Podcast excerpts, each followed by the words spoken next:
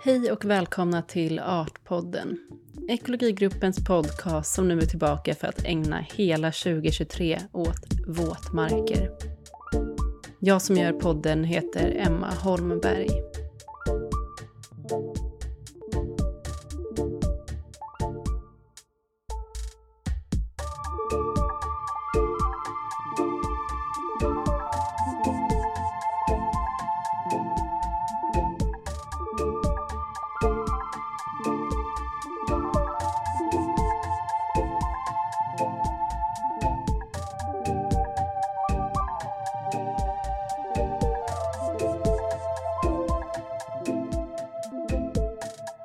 Våtmarker är ett samlingsbegrepp för vegetationstäckta vattenområden och områden där vatten till stor del av året finns nära, under, i eller strax över markytan. Våtmarker kan också definieras som gränslandet mellan vått och torrt. Ett landvatten som länge varit svårt för människor att smälta. Vi tycks känna obehag till platser som ligger just däremellan torka och väta. Vi avskyr fukt och betraktar platser där land och vatten blandas som gyttjiga, slemmiga, sumpiga och skumma. Träsk, kärr och mossar. Alla dessa landvatten är exempel på marker som vi ogärna traskar igenom. Rädda för vad det odefinierbara slafset kan innehålla och göra med våra kroppar. Mossen kan sluka oss, gyttjan kan tränga igenom våra skor och myggen för vi måste tala om myggen som varje år invaderar dessa förrädiska plaskytor. Det gör den illaluktande vistelsen än mer outhärdlig i denna dy som ibland kallas för våtmark. Inte konstigt att människor har gjort allt för att återställa ordningen, separera väten från torka, undanröja tvetydigheten i gränslandet och en gång för alla göra de fuktiga markerna användbara, produktiva och torra. Vattnet, det ska vara riktigt vått, flytande, strömmande och forsande. Helst i raka linjer som ramar in markmarken utefter den ekonomiska kartans logik. Det ska vara ordning och reda i naturen. Men vad har denna så kallade rationella hantering av de våta markerna haft för konsekvenser på vårt landskap? Vad skulle både vi och andra arter tjäna på av att åter blöta ner de dränerade markerna? Det ska jag med hjälp av olika inbjudna gäster ta reda på under årets gång. Vi kommer att diskutera allt från våtmarkernas klimatnytta och vattenrenande funktion till våtmarkernas betydelse för biodiversiteten. För vi människor kanske har svårt för att klafsa runt i kärren, men tranorna, de har gjort det i nästan 50 miljoner år.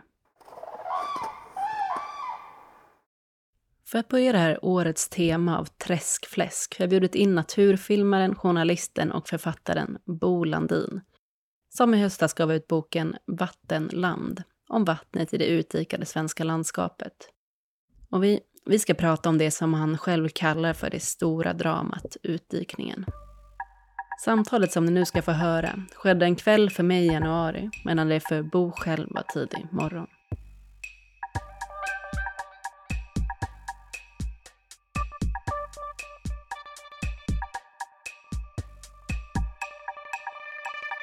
Hjärtligt välkommen till Artpodden. Bo Landin, jättekul att du är med från, ja, från Kalifornien, Santa Barbara i USA. Eh, så du är morgon för dig, nästa kväll för mig. Det är, det är tid, tidig morgon här och jag är bara tillfälligt i Kalifornien. Jag hör ju normalt sett hemma i Utah på högt upp i bergen och bor på 2000 meter över havet och nu sitter jag bara några meter över havet i Kalifornien. Ja, ja det känns väldigt kul att ta med någon så långt bort. Eh, och eh, anledningen till att jag har tagit kontakt med dig och bett dig att vara med i podden är ju för att du i höstas 2022 släppte boken Vattenland. Eh, vill du berätta lite om den boken och varför du skrev den? Ja, det kom sig av att, att eh, Lennart Henriksson och jag satt i ett samtal och så sa vi, borde vi inte samla våra funderingar och våra tankar kring, kring vattenfrågor? Därför att det är så många av de aktuella frågorna som har sin gemensamma bas i vatten oavsett om vi pratar om biologisk mångfald eller om vi pratar om klimatfrågor. Och Lennart han var assistent på zoologiska institutionen på 70-talet i Göteborg när jag läste biologi där så vi har känt varandra länge. Och på 80-talet gjorde jag många försurningsfilmer eh, med forskare i Sverige och utomlands eh, som jobbade med försurningsfrågorna och Lennart var ju en av de drivande där och då var han framför min kamera som forskare.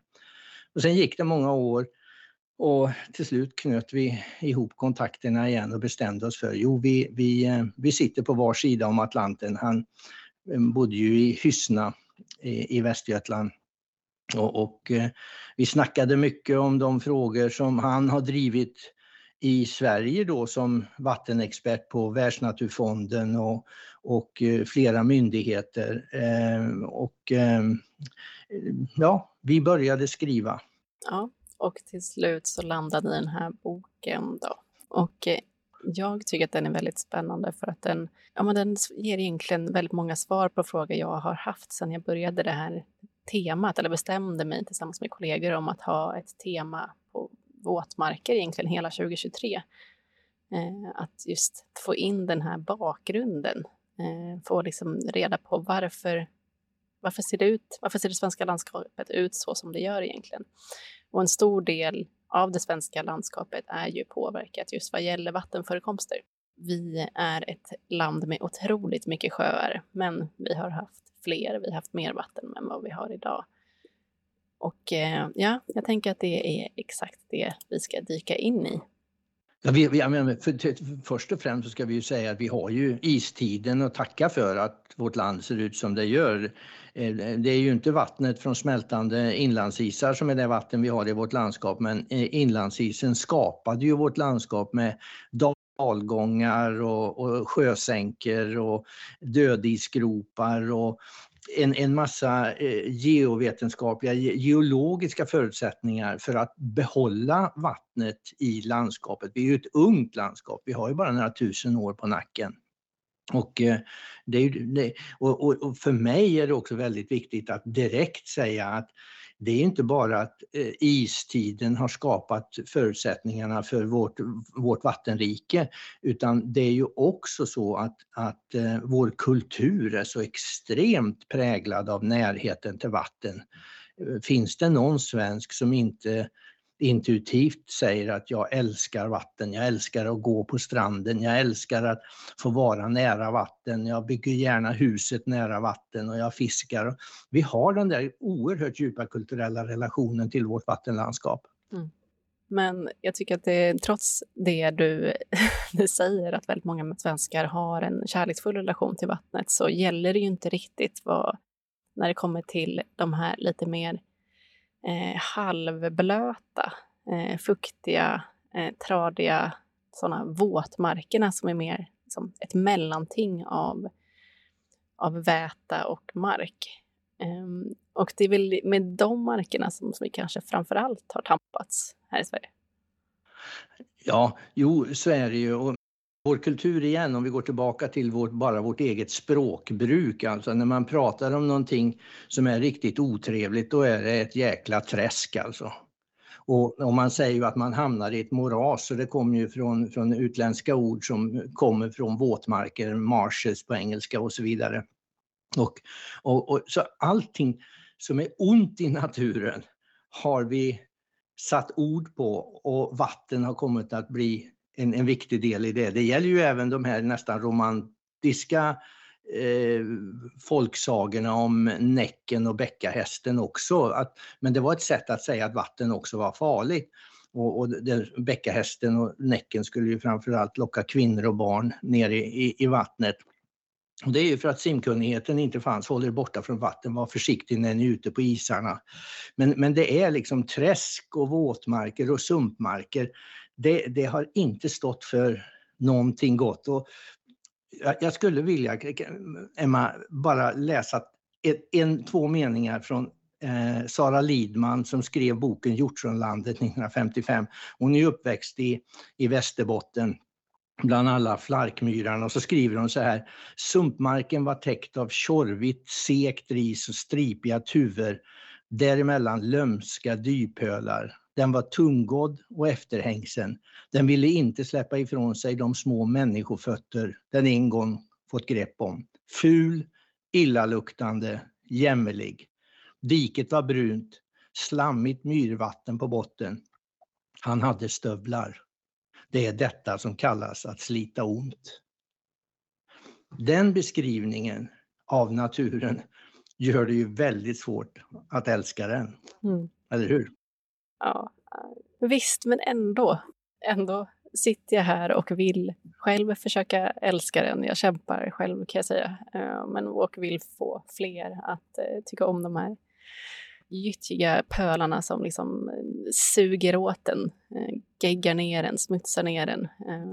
Och, men jag tänker att ja, vi kommer väl komma mer till det sen, vad det är som gör att man kanske ändå kan lära sig att älska de här markerna.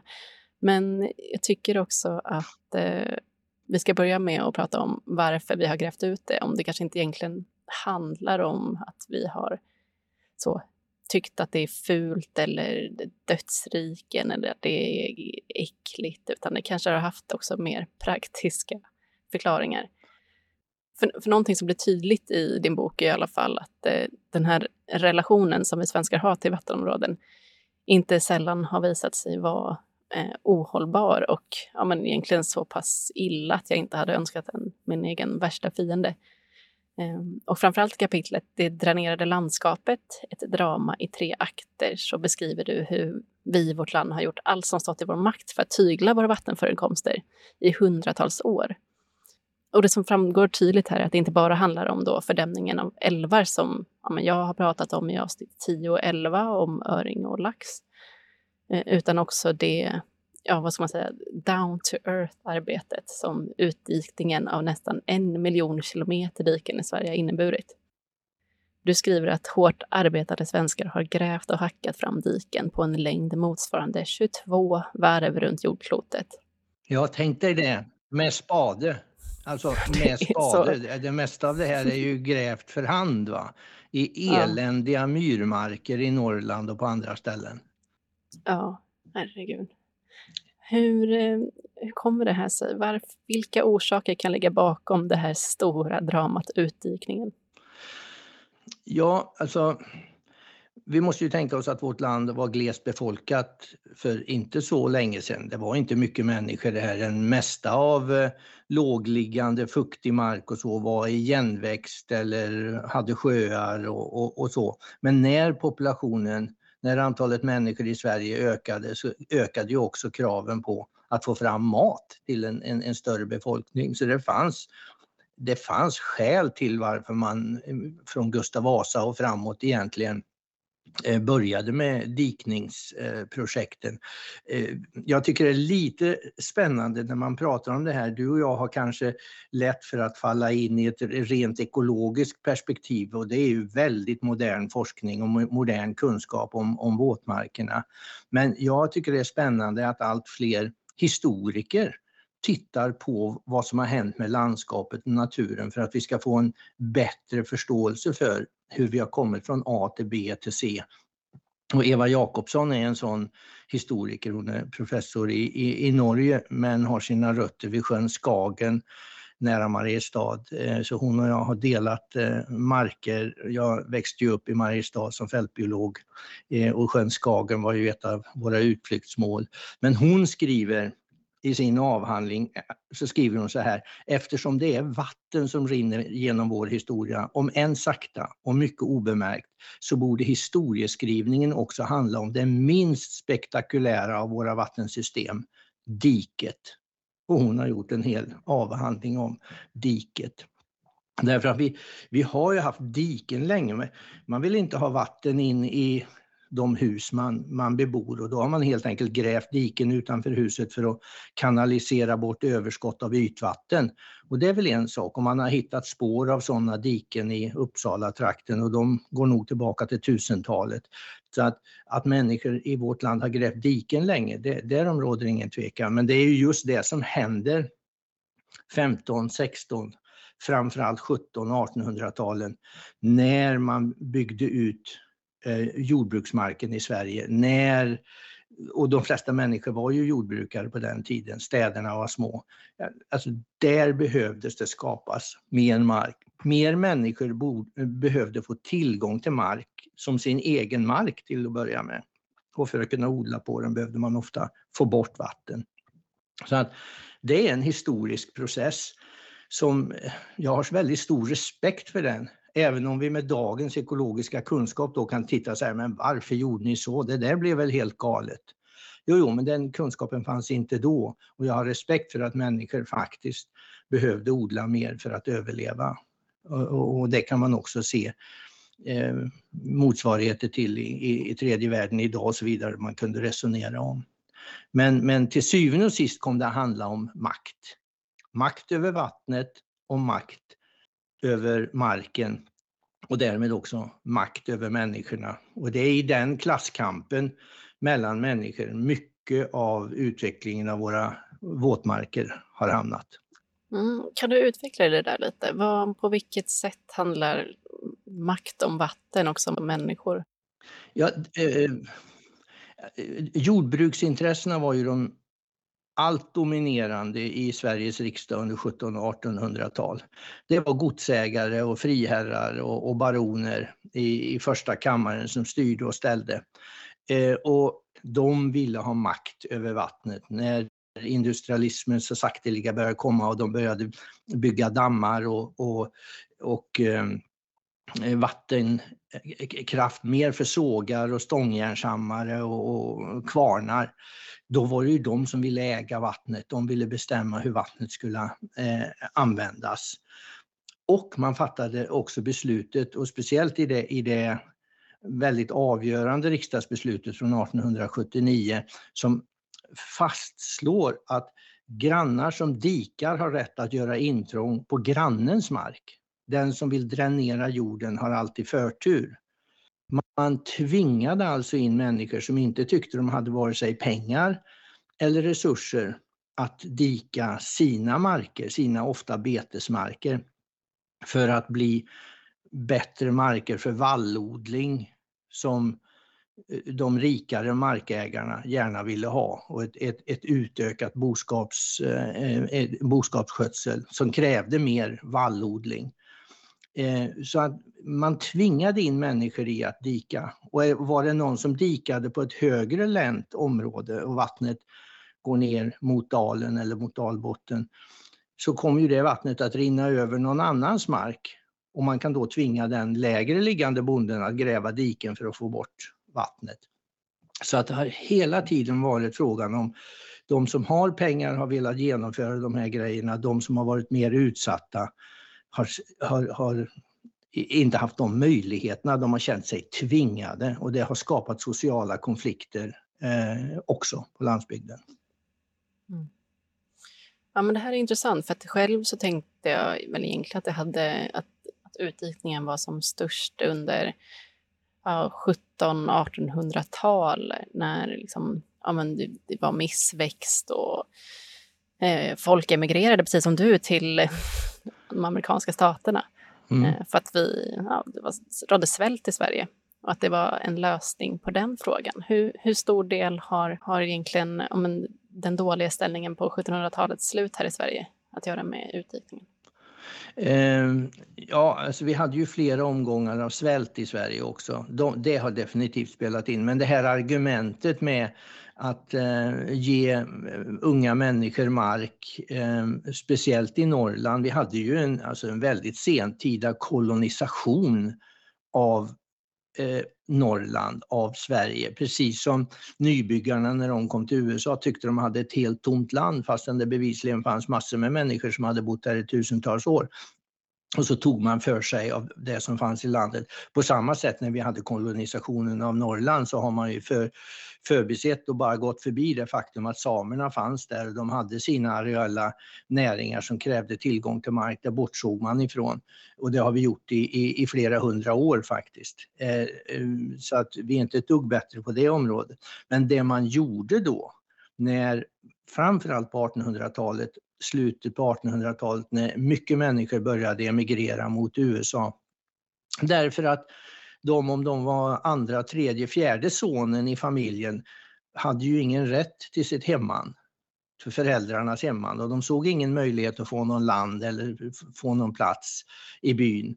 Och, och, då var det enklare att resa till USA, till Nordamerika där man kunde få en jordlott. Eh, på samma sätt koloniserade vi Norrland där man då sa Därför att den framväxande skogsindustrin, som ju var sågverksindustri till en början och sen blev pappers och massaindustri, krävde arbetskraft och den arbetskraften fanns inte där skogen fanns, i Norrland. Alltså sa man till människor att om ni flyttar hit och blir en så kallad kronotorpare så får ni ett hemman här som blir skattefritt. Ni behöver inte betala skatt. Om ni dränerar, dikar ut myren så ni kan odla för slotter och om ni också blir en arbetskraftstillgång för staten och industrin. Och stat och industri var hand i hand då och redskapet var fattiga torpare och bönder. Och på så sätt kom allt mer våtmarker i Norrland att dikas ut. Men när de stora dikningarna då skulle göras för att också skapa mer skog på våtmarkerna, då började ju bönderna protestera igen, precis som de hade gjort söderöver. Därför att de använde ju myrmarkerna för myrslotter och, och eh, betesmark. Och de här si, eh, ja, silängar eller, eller eh, dammängar som fanns i Norrland var ju naturligt förekommande. Ja, silängen så flyttade ju, man byggde ränner för att flytta vattnen, men, eh, men, men det var ju naturligt förekommande eh, marker som producerade mycket starrväxter och annat som kunde användas som foder. Och, eh, eh, och, och, de mer industriellt inriktade, såväl lantbrukare som skogen, skogs, eh, skogsbolagen, de ville ju dika ut ändå mer så att det skulle bli torrt så man kunde köra tyngre maskiner på de här våtmarkerna. Ehm, så det var en blandning av drömmar och en bister verklighet och det är ju lite grann, nej inte lite grann, det är precis den som Sara Lidman beskriver i Hjortronlandet och senare i Järnbarnesviten. Det, det, är, det var ett tufft liv, men det fanns liksom skäl till varför det kom att bli så här. Har vi dikat ut vattenområden över hela Sverige, liksom från norr till söder, eller vad handlar det om för landskap som vi har dikat ut? Vi har dikat överallt. Det, eh, och om man nu pratar om våtmarker, alltså lite grann att vi kanske behöver definiera vad är det vi pratar om. Alltså en sak är ju att prata om, om definitionen myr och mosse och kärr, det är en sorts våtmarker. Men våtmarker är ju också strandängar, raningar längs floderna och det är ju sjöar och rinnande vattendrag också. Det hör ju till vattenlandskapet. Och det ena är, lever inte och finns inte isolerat från det andra. Alla de här komponenterna i landskapet hänger ihop. Gör vi någonting på ett ställe så kommer det att få effekter på ett annat ställe.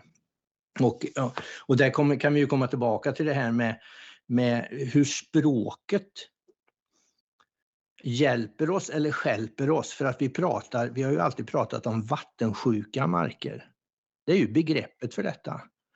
Man kan, man, tänk om du och jag bara sa, åh vilka vattenrika marker. Det, det, låter ju som en rikedom och något fint och det vet vi ju att det är rent ekologiskt.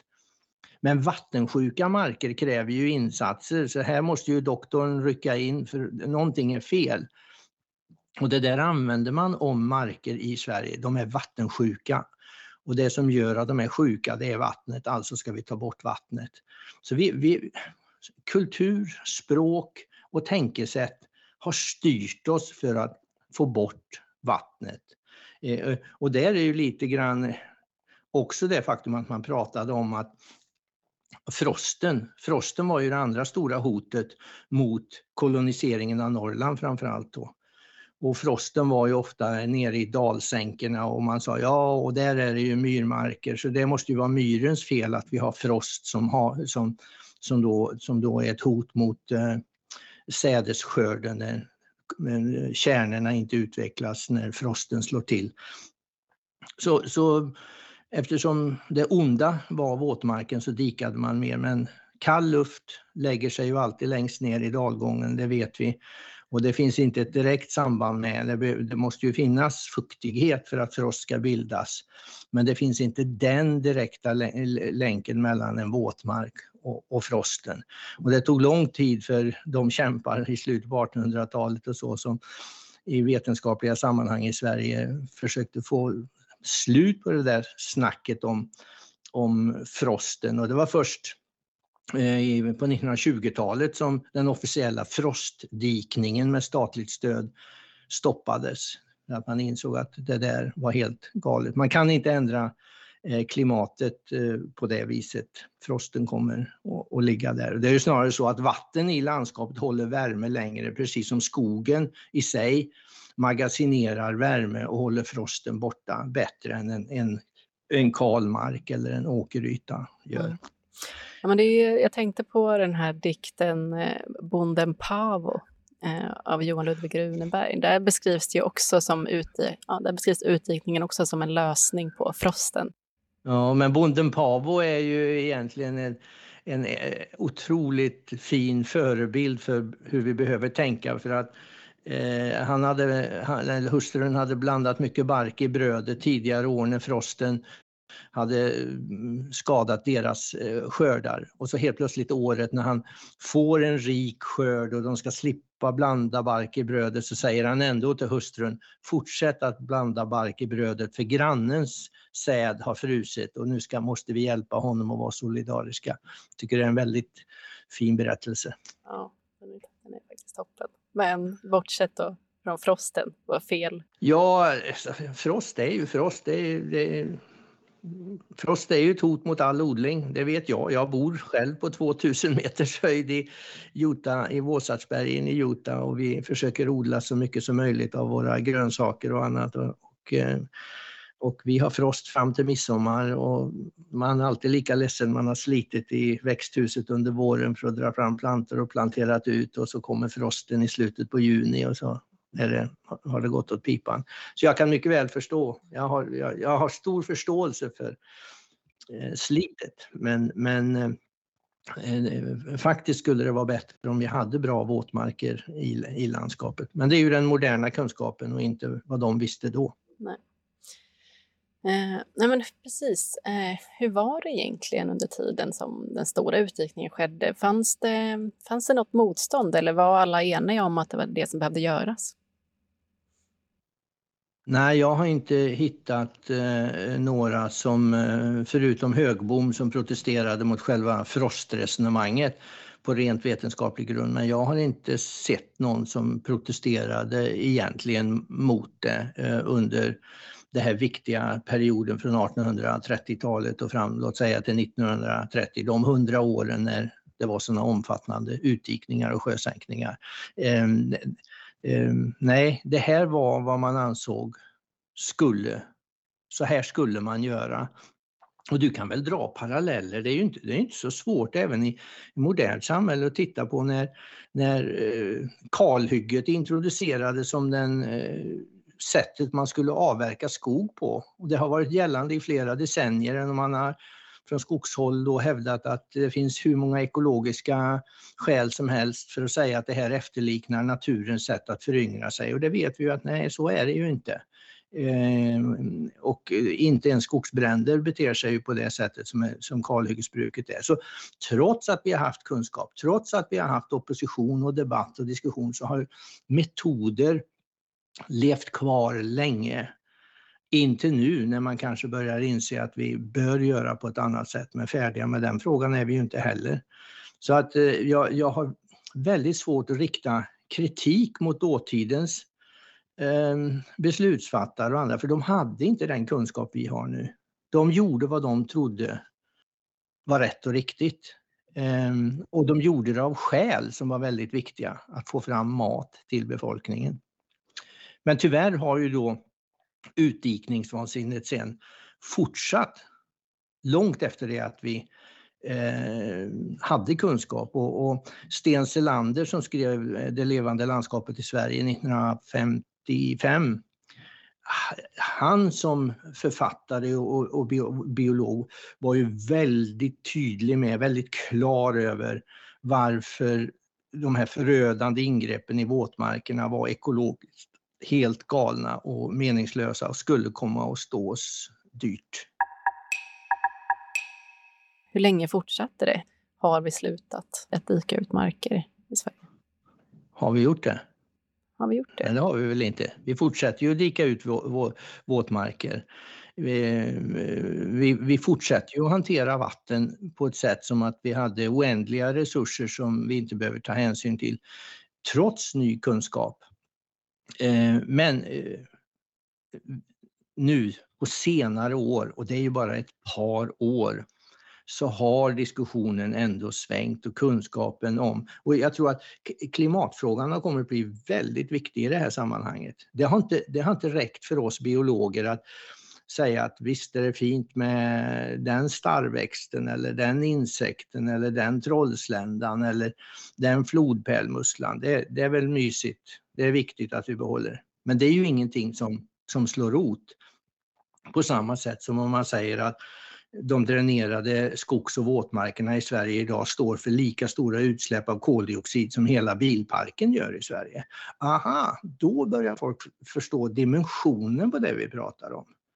Eh, och och eh, eh, som alltid handlar det om hur förmedlar man information och vilken information och hur, hur, hur sätter den sig? Hur får vi den att, att sätta sig? Det var ju samma sak på på eh, 80-talet när försurningsfrågan var den stora frågan.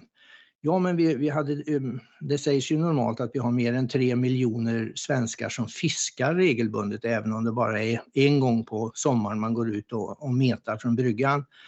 Men den där relationen till att fiska i sjön var så viktig att vi fick väldigt många människor att engagera sig för att rädda fisken kvar i sjöarna.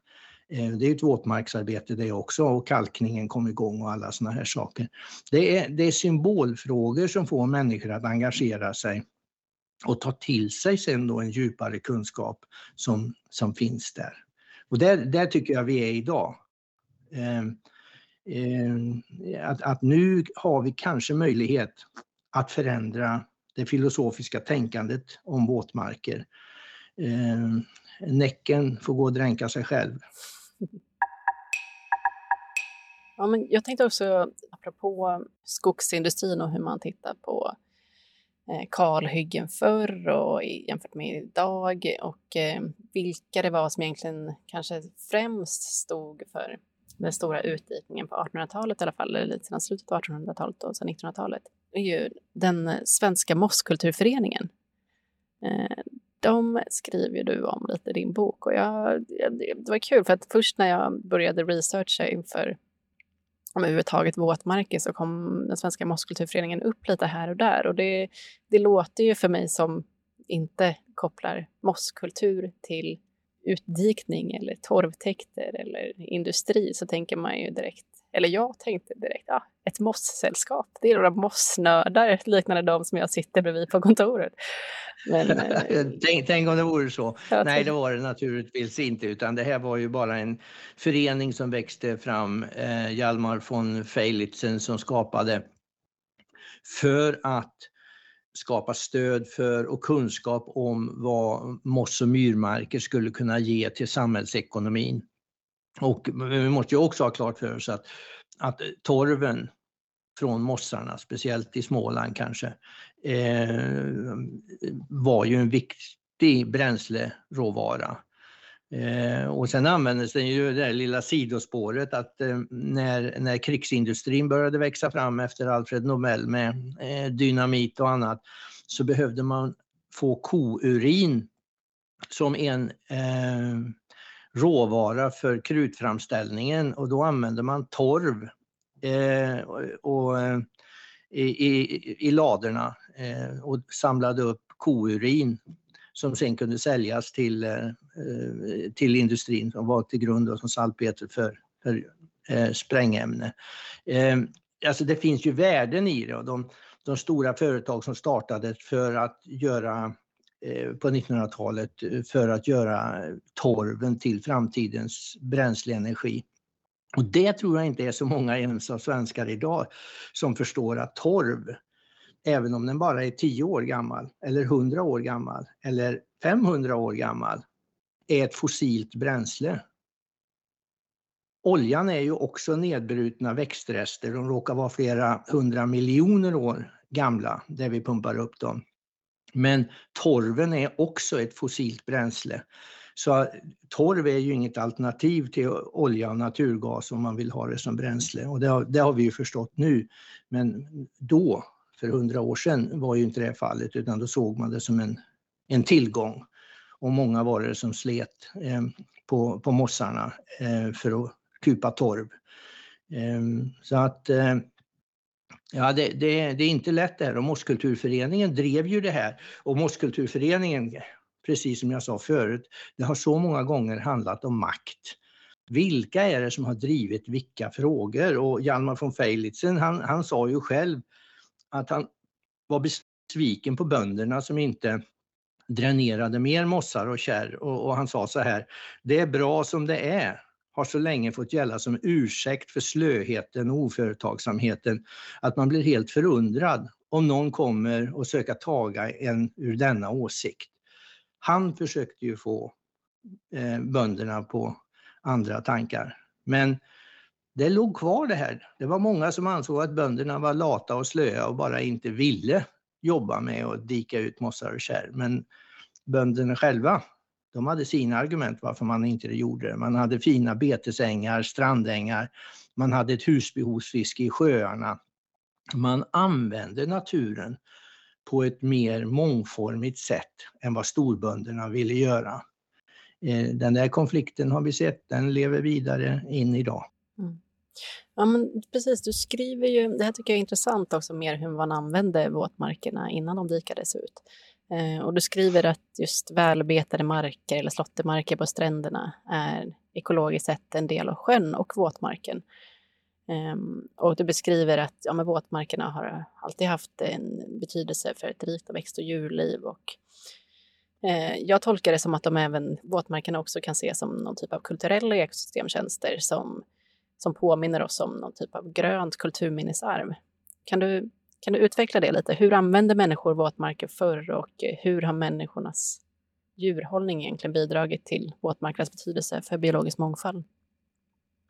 Ja, eh, det, det, är många delar på den tråden, men, men eh, om man tänker sig strandbetet Eh, som ju var eh, rätt vanligt kring sjöar. Och det var ju innan eh, allt fler människor ville bygga sommarstugor längs sjöarna och ville ta bort boskapen därifrån. Men kreaturen gick ju en bit ut i vattnet och de, de käkade ju ner tidig vegetation under vattenytan, i vattenytan och upp på strandkanterna.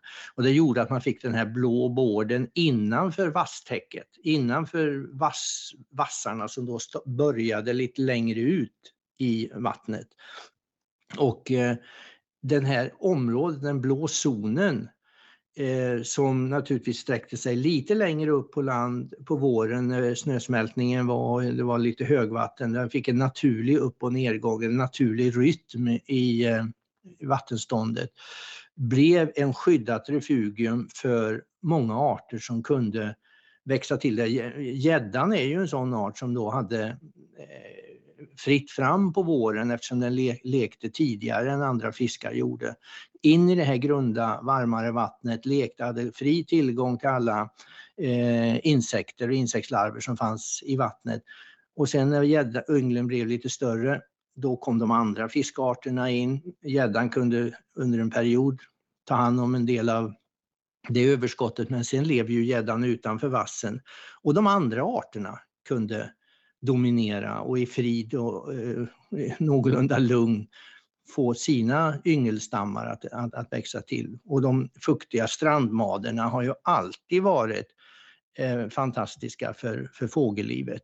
Eh, många vadare och andra. Eh, den blå bården så har du de betande änderna, om det, vare sig det är gräsänder eller skedänder, alltså som, som kan beta av den eh, gröna och enklare vegetation att beta. Vassen är ju rätt besvärlig, det är inte så många som betar stor vass, men de unga skotten eh, är det många som drar nytt, nytta av. Och därmed blev de här vattenområdena väldigt viktiga för biologisk mångfald och är fortfarande det. Och vi skulle egentligen gå tillbaka till den formen av strandbete. Vi skulle gynna och stödja och finansiera den formen av strandbete. Det skulle gynna biologisk mångfald. Har jag fattat det rätt då? Eh, så att strandbete i sig, att ha djur som betar de våta markerna intill till exempel en sjö eller en havsstrand, gör att det skapas en typ av en variation i växtlighet i vattnet, en variation i grundhet och gömslen för olika, ja, små minibiotoper ja. för olika djur att människorna. Ja, och, du, och skapar en tuvighet. Och du, du, vet ju när djuren går i, i sank, i botten, det blir håligheter och där kan det bli stående vatten som gynnar vissa arter. Och, och jo, ut med korna i vattnet. Eh, det, det, borde vara en ny slogan. Och strandängar överhuvudtaget är ju både vackra och så rika. Eh, vi, vi, borde stödja, när vi pratar nu om vad behöver vi göra för att värna våtmarker och utveckla våtmarker och satsa pengar på våtmarker. Det, det här är en sån del som vi borde satsa resurser på. Ja, men du har också ett kapitel i boken som heter Våtmarken, mygghelvete eller paradis. Eh, väldigt bra titel. Där du bland annat tar upp Linnés syn på de våta markerna. Och han kallade då Norrlands myrmarker för dödsriket. Eh, jag skrev ner ett citat här från Linné själv då. Hela denna lappens land var mest myra. Därför kallade jag det dödsriket. Aldrig kan prästen så beskriva helvetet som detta är ej värre. Aldrig har poeterna kunnat avmåla Styx så fult, där detta i är fulare. Jag har genomträngt dödsriket. Eh, så han var ju då varken, varken beredd på de blöta markerna eller myggornas antal. Han var i mygghelvetet. Och där har jag också varit, ska jag säga dig. Eh, jag hatar myggor och därför blir, tar man ju ofta avstånd från ja, blöta myrmarker på somrarna. Eh, och det här tänker jag ändå är en fråga som folk kanske har. Hur ska det bli i Sverige om vi börjar återställa eh, och återväta våtmarker? Kommer vi förvandla hela landet till ett dödsrike? Ja, eh, först tänk dig bilden på Linné. Han, han, han var visserligen förvarnad ehm, eh, när han åkte upp så han hade ett myggflor med sig så han visste att det fanns insekter där uppe och mygg så han var lite förberedd. Men i ett väglöst Norrland in i lappmarken att vandra dåligt utrustad eh, och på fel säsong, eh, det vill säga när myggen är otaliga det måste ha varit ett helvete. Jag har full förståelse för vad han skriver. Och du, du, och jag har ju båda rest i Arktis och Antarktis och jag glömmer aldrig den svenska Arktisexpeditionen, Tundra 99, när vi gick igenom eh, norra Kanada. Och eh, jag då som filmare, men jag filmade ju forskarna och vi var inklädda i myggnät därför att vad vi än gjorde, vi, vi fick mygg i näsan och öronen och med maten åkte den in i munnen. Det var så mycket mygg att det i princip inte gick att, att jobba. Eh, och, och, det är ju ett, ett mygghelvete. Det är det. Därför ska man befinna sig i sådana områden efter frosten då blir det lite bättre. Jo, det här är naturligtvis ett, ett, problem och vi vet ju de stora problemen som har funnits med, med de här översvämningsmyggorna i nedre Dalälvsområdet och i, i Värmland, eh, mina rötter i, i Sverige, eh, kring Deje. Och det här är ju då därför att eh, på översvämningsmarker blir det ju, blir det ju väldigt fördelaktigt för mygg. Och eftersom vi reglerar vattenståndet i eh, tillrinnande vatten så vi får inte bara en vårlig översvämning utan vi kan få översvämningar flera gånger under året så har vi ökat möjligheterna för myggen att eh, finnas till. Och vi har gjort det bra för, för mygg och, och då har det blivit så här. Sen, sen är det så att vi har inte bara en art av myggor i Sverige, vi har flera olika och en del gynnas och en del missgynnas. Det är lite vem som vem som dominerar i, i områdena. Eh, vi kommer att få mer myggor om vi får mer våtmarker. Men eftersom hela filosofin bygger på att vi också får en ökad artdiversitet i de här områdena så får vi också fler fåglar som äter myggor. Vi får, vi får en balans mellan arter på ett annat sätt än vad vi kanske har i de här lite onaturliga översvämningsmarkerna. Jag, jag, säger inte att det här är ett lätt problem, men man har ju tittat på hur man kan lösa det här. Nu är vi tillbaka till det här med strandbete och hävd för att det visar sig, bland annat så har man gjort det i Värmland, men det har gjorts på några andra ställen också, där man går tillbaka till gammal hävd. Man har eh, betande boskap och man röjer slymarker. Det blir ju ofta slymarker i de här grunda våtmarksområdena. Man röjer man hävdar marken, man, man inför slotter och bete och det håller nere mängden mygg. Så vi måste skapa ett mer holistiskt, ett mer heltänkande tänk om våtmarksområdenas användning och biologiska mångfald. Jag tycker att du beskrev det här väldigt eh, fint i början av boken. Att, eh, ja, du, du, lyfte frågan om vatten på ett sätt som jag inte har tänkt på själv förut. Att, eh, du beskriver att det är precis som att det finns urskogar, naturskogar och kulturskogar i Sverige idag, som jag också har tagit upp i avsnittet om skogen, så finns det också urvatten, naturvatten och kulturvatten i Sverige. Ja, det är ju framförallt min medförfattare Lennart Henriksson. Jag ska säga alltså att precis när vi hade börjat skriva boken så gick Lennart bort i, eh, i cancer. Den kom väldigt snabbt och eh, vi hade naturligtvis inte hunnit bli färdiga med vårt gemensamma arbete men dagarna innan han avled så sa jag till honom att eh, jag ska fixa det här. Jag skriver boken Lennart. Och hela berättelsen om urvattnet, det är faktiskt ett en definition som han var med och skapade när han jobbade på Världsnaturfonden. Eh, ur, vi, alla känner ju intuitivt vad en urskog är. Det är en gammal skog som inte är påverkad av eh, skogsbruk och eh, en orörd, ett orört stycke natur. Vi har inte så mycket kvar av den.